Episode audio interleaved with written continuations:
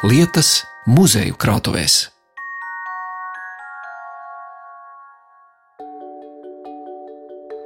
Kāds gudrais reiz ir teicis, viena no lietām, ko mēs apbrīnojam porcelānā, ir tā smalkais trauslums. Mums vajadzētu mācīties novērtēt to pašu arī cilvēkos. Pašmāju ražojumos smalko porcelāna trauslumu rīdzinieki sāk iepazīt 19. gadsimta vidū, kad Krievu uzņēmēji Kuzņecova rūpnīcā sāk ražot porcelāna traukus. Vēl pēc pāris desmitgadēm Rīgas nomalē Milgrāvī sāka darboties vācu fabrikanta Jesena porcelāna ražotne. Laikam ritot uz priekšu un mainoties varām, abas šīs rūpnīcas tiek apvienotas vienā - Rīgas porcelāna fabrikā, kur augstā kvalitāte un mākslinieckais izpildījums nāca līdzi pūrā ar abu minēto fabriku meistariem, gan arī parādoties jauniem, talantīgiem trauku dizaina un apgleznošanas māksliniekiem. Dizaina ikonas, smalki izzīmēti autoru darbi un ikdienā lietojami priekšmeti. Tas būs ieskats Rīgas porcelāna muzeja krātuvē, kur dzirdēsim stāstus par izstrādājumu tapšanu, izciliem meistariem un uzzināsim, kā atšķirt augstvērtīgu porcelānu no masu produkcijas pamata ekspozīcijā apmeklētāji nāk uz muzeju, tie redz vispārēju vēsturi, tādos lielos vilcienos un mazos vagoniņos, chronoloģiski, stilistiski, pats sevišķiem autoriem, bet ļoti daudz kas paliek aiz iekavām. Interesantas lietas, tādas, kas raksturo piešķir smeķi, tā teikt, gan laikmatam, gan dažādiem notikumiem. Nu, tad esam atlasījuši plējādi ar šādiem maziem, mazām atkāpītēm, kas ir interesants porcelāna vēsturē. Es domāju, personām, kas interesējas par porcelāna vēsturi, šis varētu būt ļoti izglītojošs, interesants un aizraujošs moments. Savukārt tiem, kas varbūt neinteresējas, nu, tā varētu būt motivācija pastīties citām acīm uz to, kas ir viņa īpašumā. Interesanti izņēmumi, mazi aspekti, blakus temati. Tas ir tas, ko mēs nevaram parādīt ekspozīcijā, saka Rīgas porcelāna muzeja direktore Ilijana Veinberga, kura uz galda ir sarindojusi dažādu autoru darinātus traukus un sāk iepazīstināšanu ar porcelāna fabrikas meistaru darinājumiem. Pirmais stāsts par Olgu Neimani Kateņevu un viņas apgleznoto šķīvi – Trauka centrā, jeb šķīvja spogulī, kā man paskaidroja Iljana Veinberga, uzzīmēta buru laiva viļņos un uz šķīvja malām kāju silueti. Tie ir divi šķīvi, kā jūs redzat. Viens ir fajans šķīvis, kas attēlo jūras ainavu. Visdrīzāk, bērniem kādā nometnē pusdienās ir bijis lietošanā. Uzraksts ir apgleznota paraugs. Tas nozīmē, ka šis te ir ražošanas paraugs. Un eh, nesen muzeja īpašumā nonāca uzražotais paraugs. Priekšmets, kas tiešām aizgāja ražošanā, var redzēt, ka tas ir no porcelāna, dekors ir pamainījies, kāju, kobaltu zilo kāju vietā ir ieradušās zelta kājas, ritmiski izkārtotas, kuģītis ir nedaudz citādāks. Nu, tā teikt, var redzēt, kā izskatās, kad mākslinieks ir devis savu radošo risinājumu dekoram, plašu patēriņu traukiem, un šis priekšmets ir eh, pārņemts no Rīgas porcelāna rūpnīcas muzeja kolekcijas. Savukārt šis priekšmets ir nesen ienācis Rīgas porcelāna muzeja kolekcijā kā dāvinājums, un attiecīgi var redzēt, kā izskatās priekšmets, kad jau ir aizgājis ražošanā. Tā laiva ir padarīta krāšņāka un viļņa. Bet kas ir interesanti, ir, ka dekora autori ir Olga Nēmana Kataņa. Un, kā jūs redzat, dekors ir visnotaļ vienkāršs, lakonisks, tiešām ļoti vienkāršs. Savukārt Olga Nēmana Kataņeva tādā plašākā apritē, tīpaši kolekcionāra aprindās, ir zināma, ka Ļoti veikla apgleznotāja. Radošā darbība sākās 30. gados Kuzņicovā fabrikā. Šis kontrasts, kā izskatās tie unikālie mākslas darbi, ar ko viņi šobrīd ir zināma publiskā apritē, un kā izskatās tie plaša patēriņa produkti, kas bija viņas ikdienas darbs, kas arī ir šis kopējais kultūras mantojums un glabājas muzeja krātuvēs un glabājas arī cilvēku īpašumā. Olgu Neimani Kateņevu jau pieminēja pirms neilga laika raidījumā par Rīgas vēstures un kuģniecības muzeja krājumu priekšmetiem, kur runa bija par šīs mākslinieces apgleznoto vāzi ar Puškina drāmas varoņiem Jevgēņiju Oņēginu un Tatjanu Lārinu.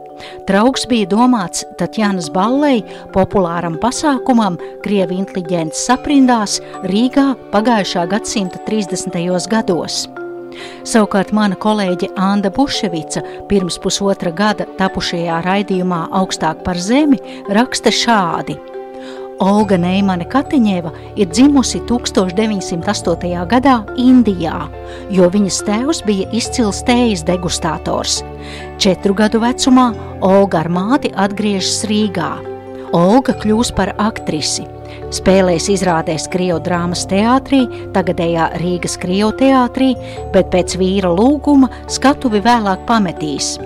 Olgai Neimanai Kateņevai nav mākslinieckā diploma, taču pagājušā gadsimta sākumā, jo īpaši jaunas dāmas tika iedrošināts nodarboties ar rokdarbiem un mākslu, un Olga mācījās labās skolās. Olga Neimane Kateņeva ir strādājusi Kuzņecovu porcelāna fabrikā, kur sākotnēji ir pārzīmējusi mākslinieku Sigismunda Vidberga un Romana Sutas zīmējumus. Otrā pasaules karā kopā ar vīru un brāli savā mājā viņa ir slēpusi ebreju meiteni. Šī ir tā autora, jeb drīzāk tā persona, kas būtu pelnījusi atsevišķu monogrāfiju. Jo viņas dzīves līkloči, ģimenes dzīves līkloči, sabiedriskās darbības dzīves līkloči ir ļoti interesanti. Un, tā kā viņai bija gana garš mūžs, tad tā teikt, tur ir ko rakt un pētīt un skatīties. Arī Žaņa Lipkas muzejs ir pievērsis uzmanību šai māksliniecei mazāk viņas radošās darbības dēļ, bet vairāk saistībā ar faktu, ka viņa ar savu brāli ir slēpusi ebreju meitenīti nacistiskās Vācijas okupācijas laikā, darbojusies arī Rēriha biedrībā, Rēriha biedrība tā teikt ar mīļu vārdu viņu pieminu. Tā kā persona, māksliniece, kur būtu vērts pētīt, publiskot un tā teikt. Ievīt šajā publiskās apziņas, nacionālās identitātes audumā vairāk.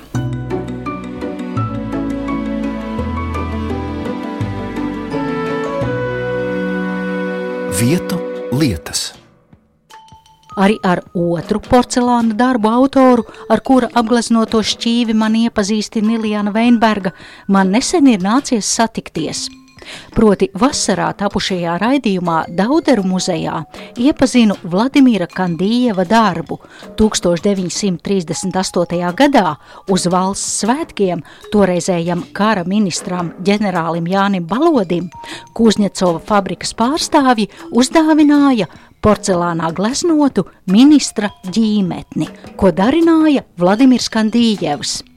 Tagad porcelāna muzejā veros uz vienkāršām taisnas formas krūzītēm ar ogu rakstu un smalkāku darbu, šķīvi un tasīti, rotāto ar stilizētiem ziediem, putniem un latvisku saulīšu rakstu.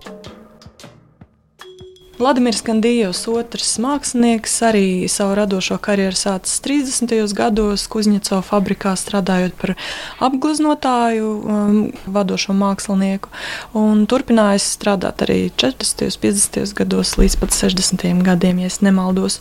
Nu, lūk, kas ir interesanti, ja jau Kuzņeco pieredze, ja jau tik ilgadīgi strādājošs mākslinieks, protams, ka ļoti veikls un virtuos.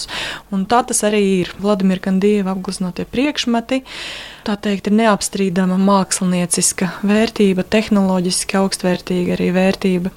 Un šeit var redzēt tasi un uh, šķīvīti, ko ar savu roku ir apgleznojis Vladimirs Kandījus. Ir zelta ne, PFF. Porcelāna fajansa fabrika Rīgā un ar roku parakstīts V. Kandījus, vai tas ir 57, 57. Jā, gads? 57. gads, jā forma ir tauta. Tas ir Jēkaba Bīnes dizainētā forma. 30. gados tika uzskatīts par vienu no tādiem Latvijas rūpnieciskā dizaina porcelāna jomas tādiem stūrakmeņiem. Tātad Jēkaba Bīnes tauta 30. gadi buržuāziskā Latvija, kā teiktu padomju periodā, bet tāpat laikā, kā mēs redzam, 50. gados šis buržuāziskās Latvijas dizains tika ražots. Nelielā apjomā sērija veidā tika izlaists, karš, grūti apstākļi. Principā 40. Gados un 50. gados ļoti daudz tika izmantots pirmskara resursus. Gan esošās formas, gan uh, krāsas, pigmenti apgleznošanai, gan arī štāts teikt, darbinieki, kas bija palikuši un turpināja darboties ražotnē. Un te jūs redzat, cik Vladimirs Kandījos grēzni spēja apgleznot priekšmetus krāsas klājums, apgleznojums ar roku, zeltījums, reliefs, plašs paņēmienu spektrs. Porcelāns tomēr ir knipelīgs materiāls, apgleznošana prasa milzīgu pacietību, vairāk kārtīgs apdedzinājums.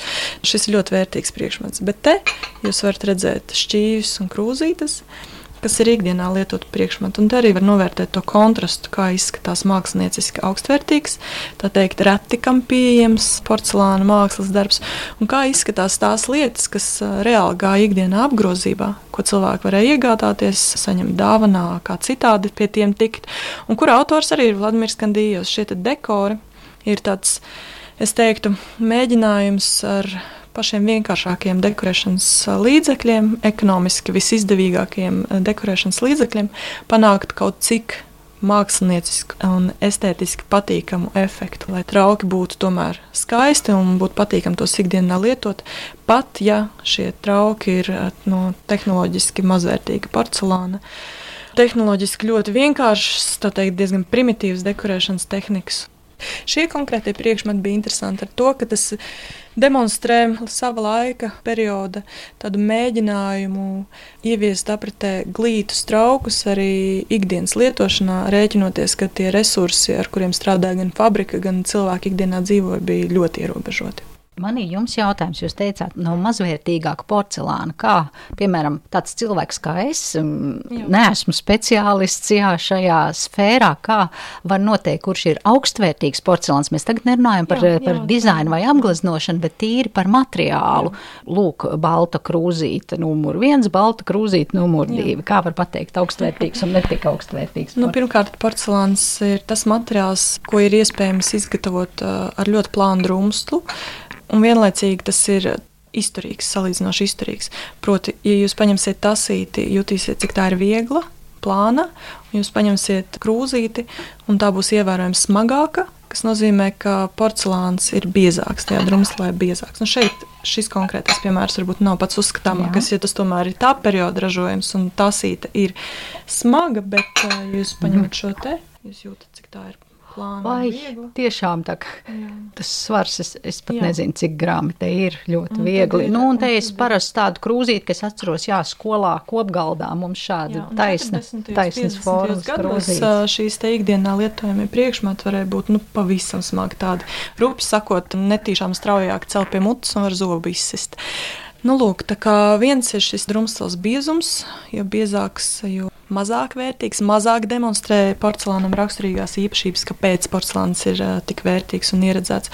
Otrs ir tonis, baltais tonis, apdedzināšanas tehnoloģija. Jo pelēkāks, jo tumšāks materiāls, jo mazāk vērtīgs tas ir. Tāpat arī dažādi, nu šeit konkrēti šim varbūt būs mazāk redzams tehnoloģiski visādi brāķīši.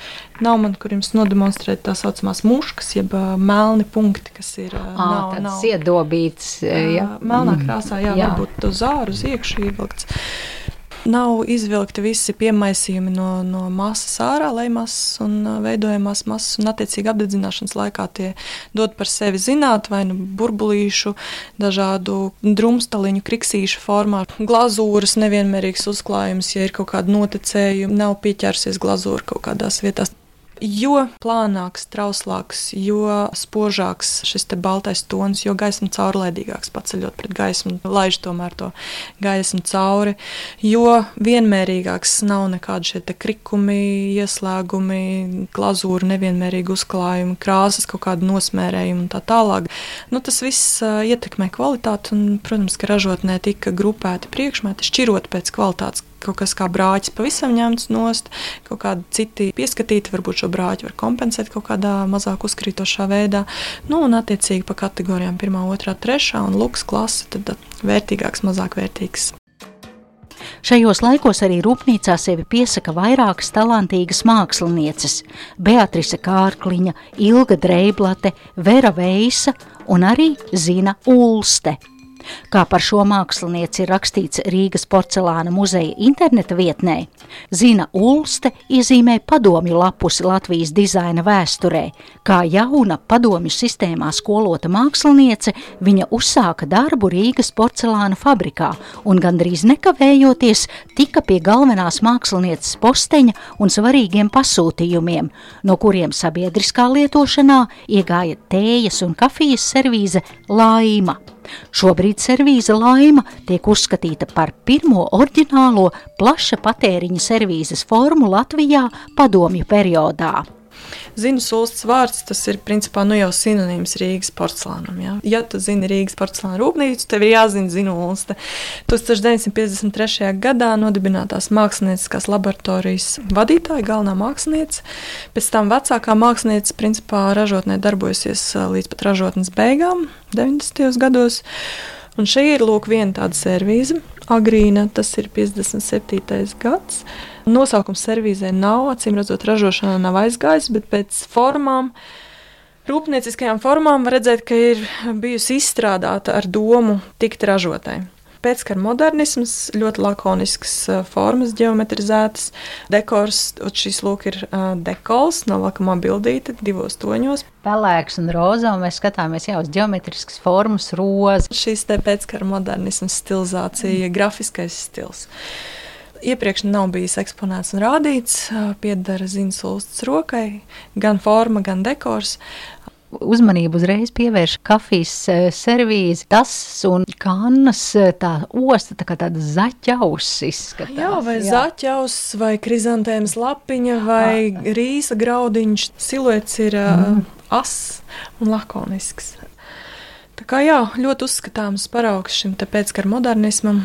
Un tieši Zinas Ulstas radošajā darbībā, kā tāda varietāte, variācija par modernismu tēmu, agrīna variācija. Un tad uzreiz var pārlikt uz nākamo trauku komplektu, kur autora arī ir Zina Ulste. Tikai tas jau ir 1995. gads, jau ļoti vēls laiks. Un uh, arī uzskatāms tāds. Um, Paraugs sava laikmeta apstākļiem, kad ražotne uh, izlīdzis ar tiem resursiem, kas ir. Šis komplekts ir izveidots izmantojot jau agrāk ražotas formas. Tur ir redzama kafijas kanna saulīte no 60. gadu vidus dizains.